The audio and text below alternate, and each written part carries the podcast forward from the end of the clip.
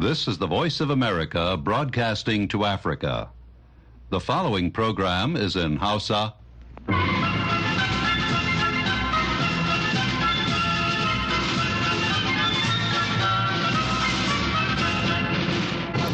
Sashen Hausa na murya Amurka ke magana daga nan birnin Washington DC.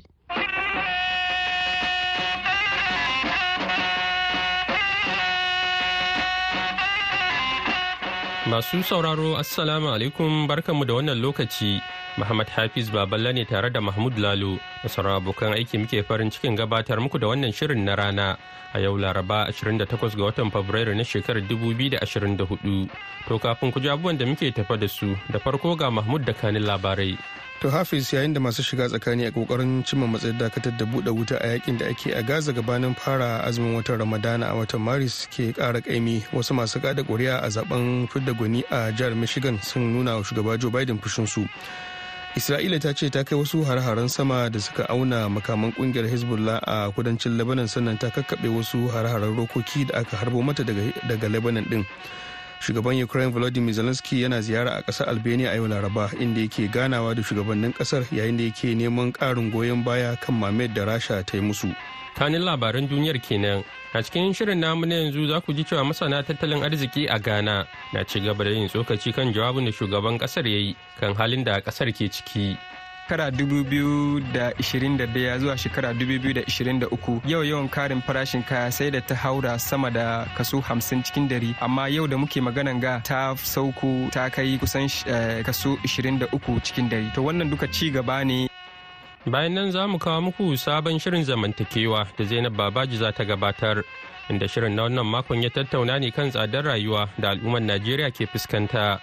Amma kafin nan sai a gyara zama a sha labaran duniya kashi na farko.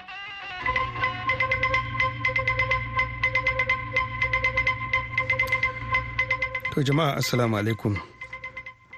Yayin da masu shiga tsakani a ƙoƙarin cimma matsayi dakatar da buɗe wuta a yaƙin da ake a Gaza gabanin fara azumin watan Ramadana a watan Maris ke ƙara ƙaimi. Wasu masu kada kuri'a a zaɓen fidda gwani a jihar michigan sun nuna wa shugaba joe biden fushinsu kan yadda yake goyon bayan isra'ila a yaƙin da ya halaka kusan falasdinawa dubu talatin.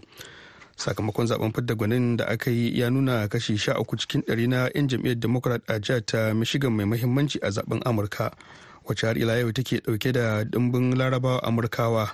Sun kada kuri'ar yin gargaɗi ne ga biden ƙarƙashin wata fafutuka da suka yi wa lakabi da listen to michigan. Don tursasawa biden ya amince da matsayar dakatar da buɗe wuta a yaƙin na gaza. Ahmed othman na ɗaya daga cikin waɗanda suka yi zaɓen na michigan.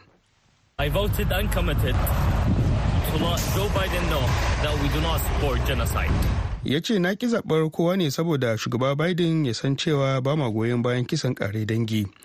A ranar litinin biden ya ce nan da ranar 4 ga watan maris yana fatan za a cimma matsayar da kuma sakin falastinawa daga gidajen yarin isra'ila. Wanda hakan zai ba da dama hamas ta saki 'yan isra'ila da ta garkuwa da su. Halin da ake ciki isra'ila ta ce ta kai wasu hare-haren sama da suka auna makaman ƙungiyar hezbollah a kudancin lebanon sannan ta kakkaɓe wasu hare-haren rokoki da aka harbo mata daga lebanon din dakarun isra'ila sun ce sun kuma ba da rahoton cewa sun kai sabbin hare-hare a yankin khan yunis da ke kudancin gaza da kuma kutsa kai ta ƙasa a yankin da arewacin gaza. Ma'aikatar lafiya a gaza a yau laraba ta ce akalla mutum 76 ne har-haren na isra'ila suka halaka. Ta kara da cewa ya zuwa yanzu jimillar falastina wanda aka kashe ta kai 29,954 sai kuma mutum 70,325 da suka ji rauni tun bayan barkewar yaƙin a watan oktoba. Isra'ila da hamas da masu shiga tsakani daga qatar sun nuna shakku kan kalaman biden na cewa an kusa kulla wata yarjejeniyar dakatar da buɗe wuta. Sai dai fada white house ta ce tana yunkurin ganin an cimma wannan matsaya john kirby kakaki ne a fadar ta white house What we're hoping to do is to get an extended pause in the fighting. I've just called it a temporary ceasefire myself. ya ce abin da muke fatan yi shine mu ga an tsawaita matsayar dakatar da buɗe wuta wacce za ta kai makonni akalla shida dakarun amurka tare da haɗin gwiwar ƙawayen ƙasar sun ce sun kakkaɓo jirage mara matuƙa guda biyar da mayaƙan houthi suka harba a tekun maliya a daren talata. Sashen ba da umarni na rundunar sojin amurka ya ce an harbo jirage mara matukan ne daga yankunan yemen da mayaƙan na houthi da ke samun goyon bayan iran suke da iko da su. Yana mai cewa hararen babbar barazana ce ga jiragen ruwan 'yan kasuwa da ma jiragen amurka da kawayenta da ke sintiri a ruwan. Waɗannan hare-hare su ne na baya-bayan nan cikin watanni da mayaƙan na hutu suke kaiwa a matsayin martani kan jiragen ruwan. Ƙungiyar ta huti ta ce tana kai hare-haren nata ne don nuna goyon baya ga falasɗinawa kan yaƙin da ake a gaza.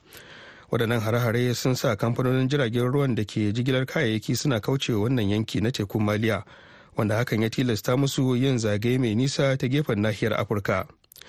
Labaran na zuwa muku ne daga nan sashen hausa na murya amurka a birnin washington dc To madalla kafin ku ji ƙarshen labaran za mu fara kawo muku rahotonmu na farko. A cikin jawabin da yi wa Majalisar Dokokin Ghana kan halin da ƙasar ke ciki, shugabana na Akufo Ado ya bayyana cewa ƙasar ta fuskanci koma baya, amma yanzu tana shawo kan kalubalen. Ha kuma shugaban ya amince da ɗaukar alhakin matsalolin tattalin arziki da ƙasar ke fuskanta a matsayinsa na shugaba mai cikakken iko. Sai dai wasu 'yan ƙasar na ganin akwai sauran rina a daga akara ga rahoton da wakilin idris abdullah bako ya aiko mana Mr. Speaker, we stumble, but we are rising again. We were bruised, but we are healing. We have recovered our footing. We have dusted ourselves off, and now we face tomorrow with confidence. Mai girma shugaban majalisa mun yi tuntuɓe amma muna tashi, an yi mana rauni amma muna warkewa. Mun tashi da ƙafarmu, mun kakkaɓe ƙurar da kanmu, kuma yanzu muna fuskantar gobe da ƙarfin gwiwa. Shugaba akufu ado kenan yayin da yake jawabi ga majalisar dokoki kan yanayin da ƙasa ke ciki kamar yadda sashe na 67 na kundin tsarin mulkin ƙasa na shekarar 1992 ya nuna ya bayyana kalubalen da aka fuskanta a baya yadda ƙasar ke turbar murmurewa da kuma burin ci gaba mai ɗorewa a ɓangarorin tattalin arziki ilimi noma tsaro lafiya wasanni da shirin da gwamnati ke yi kan babban zaɓen ƙasa mai zuwa. Haka kuma shugaban ya ɗauki alhakin ƙalubalen da ƙasar ta shiga. Sai dai shugaban marasa rinjaya majalisar dokoki dr. Kasil atufosin ya bayyana rashin amincewa da shugaba kufu ado kan halin da ƙasar ke ciki. Ya ce 'yan ghana ba su jin daɗin mulkinsa. Mr. Speaker, the state of our nation is hopeless. ya ce yanayin da ƙasar mu take ciki babu alamun alheri. Ba mamaki talakawan ghana da ƙwararru suke tsallakewa ƙasashen waje don neman arziki. Ya ce bi daga cikin 'yan ghana uku ba su da aikin yi. Lamarin da shugaban ƙasa ya ki taɓowa cikin jawabinsa. Ya ƙara da cewa yanzu ana canjin dala ɗaya kan ghana cedi goma sha uku. Alhali a lokacin shugaba muhamma ana canjin dala ɗaya kan ghana cedi uku da pesos tamanin. Masanin tattalin arziki hamza tijjani ya yi tsokaci kan ikirarin da shugaban ya yi cewa Ghana na farfaduwa a wannan ɓangaren. To wannan maganarsa gaskiya ne saboda daga shekara 2021 zuwa shekara 2023 yau yawan karin farashin kaya sai da ta haura sama da kaso 50 cikin dari amma yau da muke maganan ga ta sauko ta kai kusan kaso 23 cikin dari. To wannan duka ci gaba ne idan muka yi dogaro da alkalun masu annan da kididdiga. To sai dai wannan yana da wahala cikin rayuwar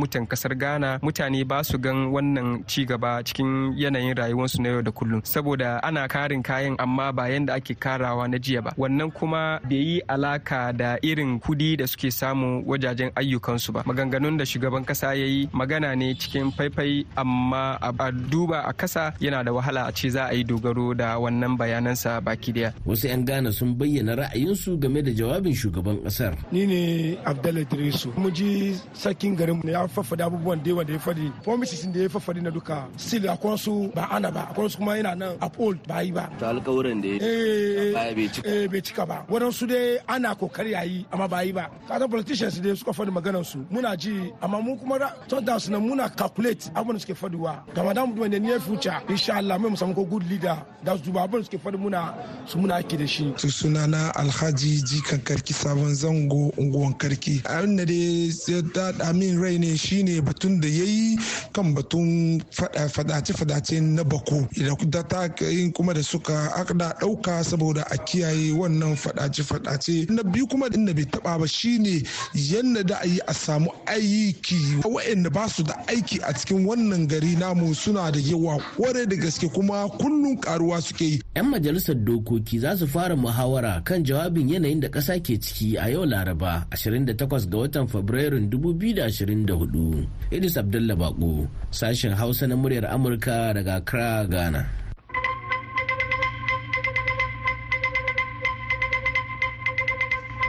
A gaida idris abdullah bako har yanzu dai kuna tare ne da sashen hausa na muryar amurka. Yanzu kuma ga ƙarshen labaran duniyar. Shugaban ukraine volodymyr zelensky yana ziyara a ƙasar albania a yau laraba inda yake ganawa da shugabannin ƙasar yayin da yake neman karin goyon baya kan mamayar da rasha ta yi musu. Zelensky ya ce zai tattauna da prime minister edi rama kan haɗin gwiwa ta fuskar tsaro da haɗin kai a siyasance da kuma zaman lafiyar ukraine. Ministan harkokin wajen ƙasar ta albania igli hassani ya bayyana cikakken goyon bayan su ga ukraine tare da yin alkawarin sake gina ƙasar a ranar laraba dakarun ukraine suka ce rasha ta ci gaba da kai hare-hare cikin dare da jirage mara matuka da yawan su ya kai goma da kuma makamai masu linzami bila adadin. Akalla mutum huɗu ne suka mutu sannan wasu biyu suka jikkata bayan wata zaizayar kasa da ta auku a wani kamfanin haƙar ma'adinai da ake kira nmdc a yankin dantewa da da ke tsakiyar jihar chhattisgarh a india a cewar kamfanin. Wani babban jami'in dan sanda a jihar ya ce mutanen sun mutu ne bayan da wani dutse ya faɗo daga kan wani tsauni. Rotanni sun yi nuni da cewa wasu ma'aikatan kwantiragi biyu sun samu raunuka amma ana kula da su a asibitin kamfanin. Kamfanin haƙar ma'adinan wanda mallakar gwamnati ne ya ce yana gudanar da bincike kan yadda al'amarin ya faru ba tare da an ga wata alama ba.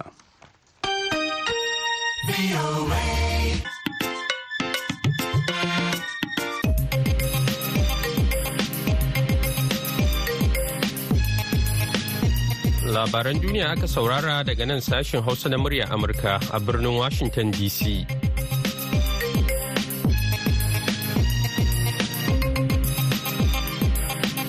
madalla. Wannan shirin na zuwa muku ne daga nan sashen hausa na murya amurka a birnin washington dc akan mitoci 1625 da kuma 31 a jamhuriyar Nijar kuma za a iya samun matashar ta BOA Africa a kan mita 200.5 zangon FM ha kuma a yaushe ake so za a iya zuwa shafukanmu na intanet a boahausa.com ko kuma sashen hausa.com domin samun labarai da dumudumin su. Yanzu kuma ga shirinmu na gaba. Shirin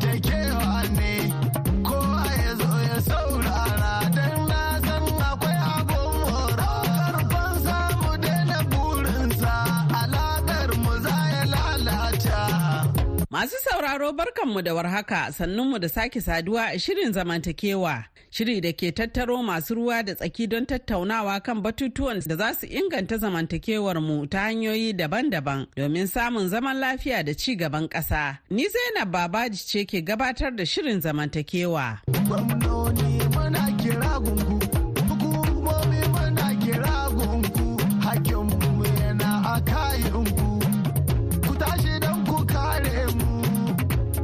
A yau shirin zamantakewa zai tattauna ne kan dalilan da suka haddasa tsadar rayuwa ba ma a Najeriya kaɗai ba har da wasu ƙasashen duniya. Akalla a kowane gida a Najeriya in an cire abinci daga kowane gida akalla kusan kowane abu da muka mallaka a gidajen an kirkiro su daga kasan waje. To a cikin kuɗi da mafi rinjayi a duk duniya dola ce ta fi rinjayi. A ce yadda aka saba ba wa 'yan kasuwa waɗannan daloli duk lokacin da mu siyo kaya daga waje a ba mu wannan daloli a farashin da ya dace ba wai farashi na gwamnati irin mai tsada wanda yake muke siya a waje ba. In dai za mu same shi cikin wannan kankanin farashi to in Allah ya so ya yarda ko za mu kaya zai sauka wallahi. A cikin 'yan watannin nan 'yan Najeriya sun tsinci kansu a matsanancin yanayi na tattalin arziki. Masana sun bayyana lamarin da yadda mahukunta a Najeriya suka sanya matakai kan abin da suka kira na farfado da tattalin arzikin ƙasa. Ƙasar. Dala wacce kuɗi ne na ƙasar waje ta kasance da tasiri matuƙa kan harkokin cinikayya a cikin Najeriya wanda ya shafi duk wata harka kama daga ayyukan gona, kiwon lafiya, sufuri da sauransu. Mr. Philemon Ayuba masanin tattalin arziki ne da ke bibiyan lamuran da suka jibanci shiga da fitar kuɗi. Ya ce a Najeriya mafi yawan kayayyakin da al'umma ke amfani da su a gidajensu daga ƙasashen waje ake samo su, in banda wasu kayan abinci. Idan a cikin abun da muke amfani da shi a gidajen kusan duka daga kasan waje ne. Wato duk wani aikin da muke yi muna kai ne mu je mu siyo abin da aka sarrafa daga kasan waje. To wannan sayayyan ne ya sa wanda suna neman dola sun fi wanda suna kawo dola Najeriya. Ko me ya janyo hakan? Hanya guda ɗaya shine Najeriya tana samun kudade a dola. Wato mai da ake sarrafa a Najeriya ana kai shi a ɗanye a kasan waje a sayar da shi a samu dola. To gwamnati kaɗai take da wannan hanya. To wannan kuɗaɗen da ake samu a wajen mai ɗin baya iya biyan buƙata abin da muke siyowa a Najeriya daga kasan waje. So a dalilin hakan ne masu neman dola sun fi masu kawo dola. Ɗaya kenan na biyu kuma wato kusan duk 'yan siyasan sun shiga yin ajiya a dola. Ba wanda yake ajiya a naira. So ya zamana sai ka samu mutum yana sayan dola ya aji. Ba wani harkan dola yake da shi ba amma sai sai ya aji. Saboda haka kome sai hau. To mutum da ya je siyo abu a dola ai dole in ya zo in zai sa kuɗin shi a naira dole ya yi lissafin kuɗin dola da ya kashe saboda haka farashin abubuwa suna hawa farashin dola na hawa. Ya kai ma wani lokacin da kamfanoni da suke sarrafa a najeriya da yawa daga cikinsu suna rufe kamfanoni. Ɗaya daga cikinsu wato wannan kamfani gsk mai sarrafa magani. Akwai kuma wani kamfani mai sarrafa abin taimakawa mata wato procter and gamble. Su ma sun yi niyya za su bar najeriya domin ba su iya samun cikakken dola wanda za su zo su sarrafa abubuwa a najeriya. Mutane su saya a rabusa har su samu riba. Saboda haka yawancinsu suna rufe eh, factory su daga wanda su rufe su koma ghana sai wanda su rufe su koma kasan waje gaba ɗaya da sauransu. A shekarun baya masu zuba jari a najeriya suna shigowa ne da kuɗaɗensu na ƙasar waje su canza zuwa naira don yin kasuwanci a najeriya. Mr philemon ayuba ya ce yanzu lamarin ya canza. Wato duk wani bature ko wani mutum kasan wajen da ka gan shi ya shigo najeriya ya shigo cin kasuwa ne ba ya shigo zuba jari ba ne don an ya shigo zuba jari ne ana iya ce to nan da shekara biyar shekara goma shekara sha biyar kama a ce ya fito da kuɗinsa. To duk wani mutum kasan wajen da ya kaga ya shigo najeriya a yanzu da kuɗi to ya shiga cin kasuwa ne. Kamar kamfanonin ma'adinai da muke ga suke tururuwa zuwa najeriya nan kusan za a ce cin kasuwa suka zo. To abin da ke faruwa wanda suke hakan ma'adinan nan ba gwamnati ba ne masu zaman kansu ne. Suna nan sai a shigo da jirage a ɗibe su a tafi da su. To gwamnati ba ta iya ma tsaronsu balantama a ce wai a kama su. So su suke wannan kuɗaɗen kuɗaɗen na shiga aljihun masu hakanta. kuma haraji ma ba su biya. So inda damuwan yake kenan, inda a ce Najeriya ne wanda a ce kasanmu tana da tsaro, mutane ba su iya shiga su fita kan da suka ga dama. To, kuɗaɗen shigan Najeriya daga ma'adinai ya mafi na mai. 'Yan kasuwa da ke mu'amala da kuɗaɗe na ƙasashen waje da na Najeriya sun sami ƙalubale ne saboda ƙarancin dalar a hannunsu, saboda tsauraran ƙa'idodi da babban bankin ƙasar ta gindaya. Sakataren ƙungiyar 'yan kasuwa na arewacin Najeriya Alhaji Bashiru Uba Hassan ya ce hauhawar da dala ke yi su kansu sun rasa dalili. Gaskiya har yanzu wallahi mun gagara gane abin da ke janyo hauhawar dalar nan. Domin kin ga kamar yadda aka yi hira da shi shugaban yan canji yana faɗa yakan ce a baya akwai wato kaso da gwamnatin tarayya ko kuma ce bankin tarayya cbn kenan yakan ba su wannan daloli. Wanda fitowar waɗannan daloli daga cikin central bank zuwa hannunsu yakan rage raɗaɗin waɗannan abubuwa.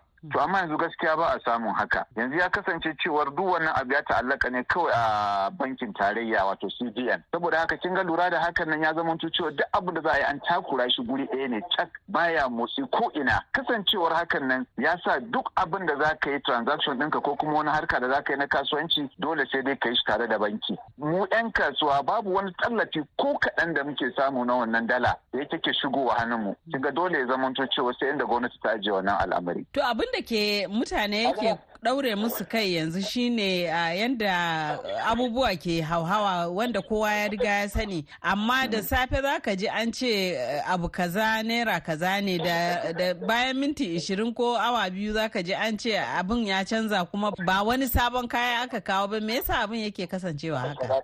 To wannan dai magana guda ɗaya ta haka take.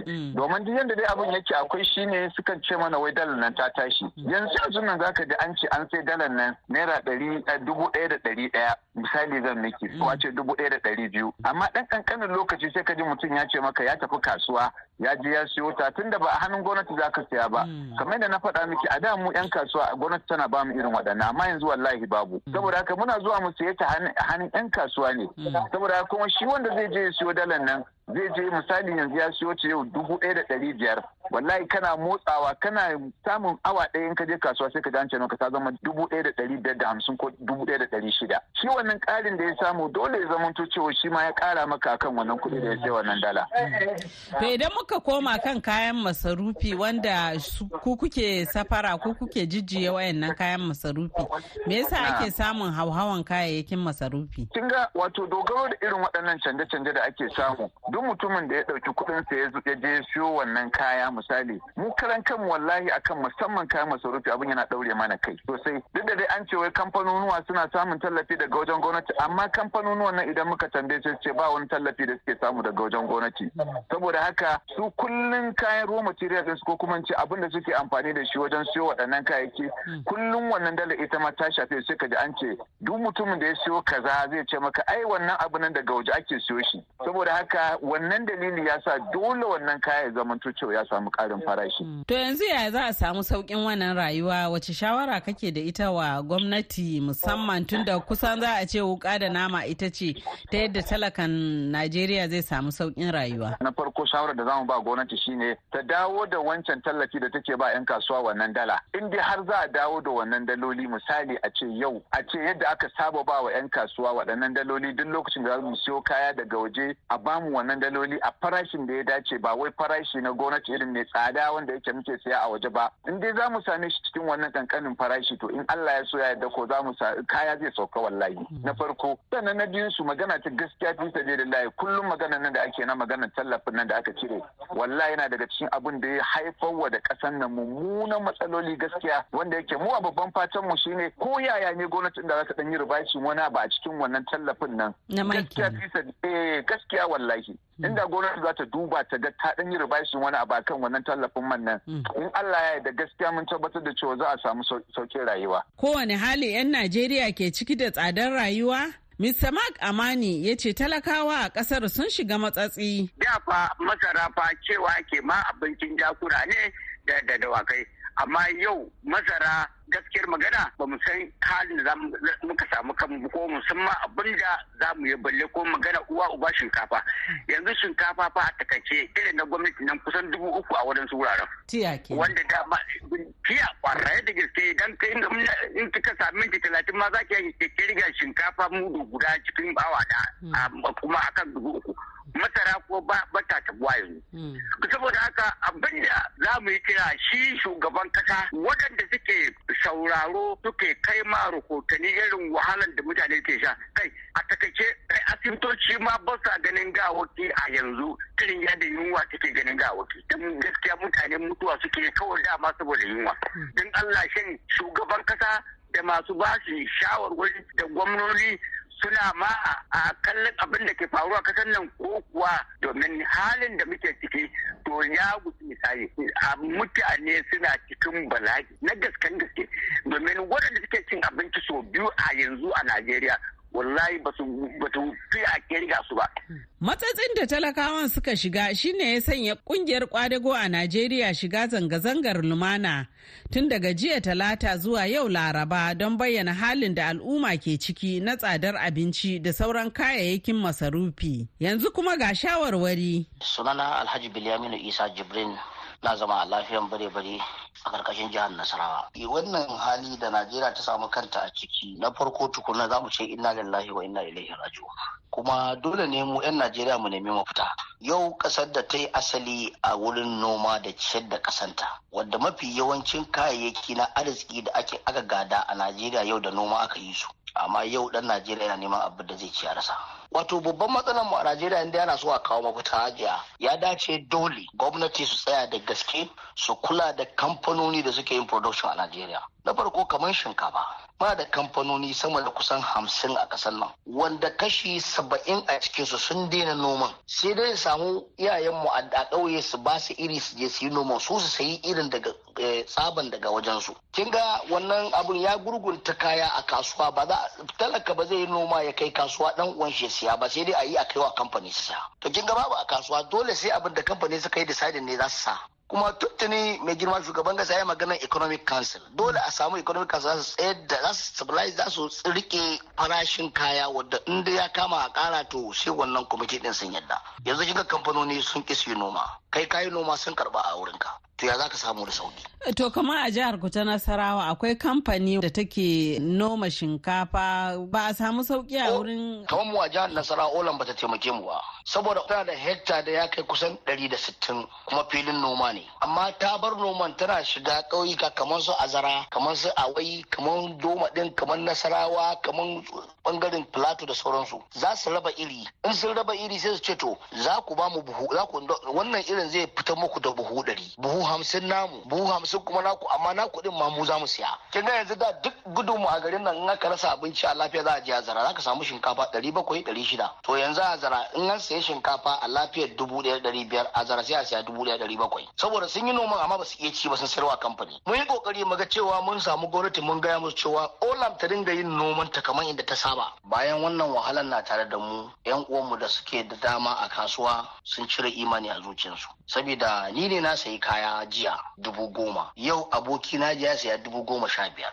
Sai ya sa nashi naira talatin. Kaganin da na saya jiya ɗin nan nawa naira naira ashirin da biyar ne ina sayarwa. Sai ya ce tun da wannan ya saya talatin yana sayarwa talatin ne ma talatin din zan sayar kin ga inda ana samun damuwa kenan. Shine hawan ya zama kamar competition. Kowa na sayar da kayan a inda zai shiga dama. Kuma wannan ba daidai ba ne yawa amma abin da yasa gaskiyar magana shine ya kamata gwamnati su fito su inganta harkoki da ya dace a yi. Maganan cewa wai a ɗauka gwamnati ta cire kuɗi ta sayo shinkafa tana rabawa mutane kyauta ba shi ba ne a rage farashi kowa ya je saya da kuɗi. Kin san da akwai abin da ake kiran shi national supply. A kawo shinkafan a tara a national supply. Kai idan ka da dubu ɗaya ka je national supply ka ba da shi a baka mudu ɗaya. Dan kasuwan da bai rige ban ya ci gaba da hawar da nashi zai ribe mishi ai. Yawa to wannan shine in an yaka za a taimaki dan Najeriya. Sai ma'aikaci ya samu albashi daidai kafin economy na kasan zai zama zai zama stable. Amma idan ma'aikaci na karɓan naira dubu talatin a kwana talatin. Yana biyan bil ɗin wuta dubu arba'in ko dubu hamsin ko dubu talatin a kwana talatin. Kin ga albashin shi ma ba zai kai shi ko ina ba. Masu sauraro a nan shirin zamantakewa na wannan mako ya kawo ƙarshe. Sai wata laraba in Allah ya kai mu zan dawo muku da wani sabon shiri. Yanzu a madadin waɗanda kuka saurara da duk waɗanda suka taimaka wajen kawo muku shirin ni da na gabatar zainab babaji nake cewa mu huta lafiya. Allah ku zo mu A gaida Zainab Babaji, yanzu kuma ga labaran duniya a taƙaice.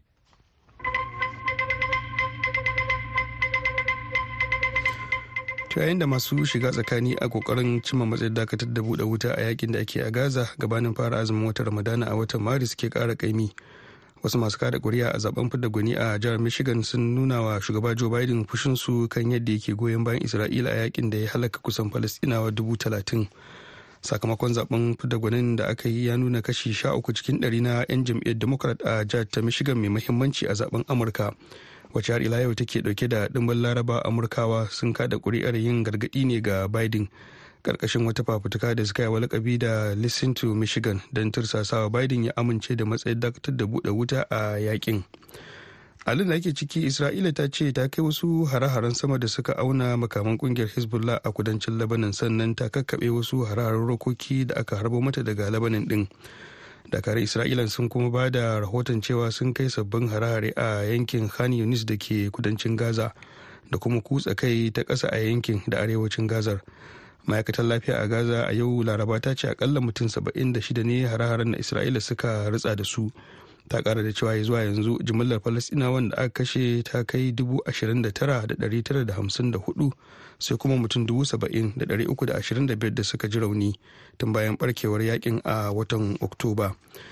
Dakarun amurka tare da haɗin gwiwar ƙawayen ƙasar sun ce sun kakkaɓo jirage mara matuƙa guda biyar da mayaƙan houthi suka harba a tekun maliya a daren talata. Sashen ba da umarni na rundunar sojin amurka ya ce an harbo jirage mara matukan ne daga yankunan yemen da mayaƙan na houthi ke da ke samun goyon bayan iran suke da iko da su. Masu sauraro da takaitattun labarin muka kawo ƙarshen shirin a wannan lokaci. An jima da dare da misalin ƙarfe tara da rabi agogon Najeriya Nijar kamar da Chadi.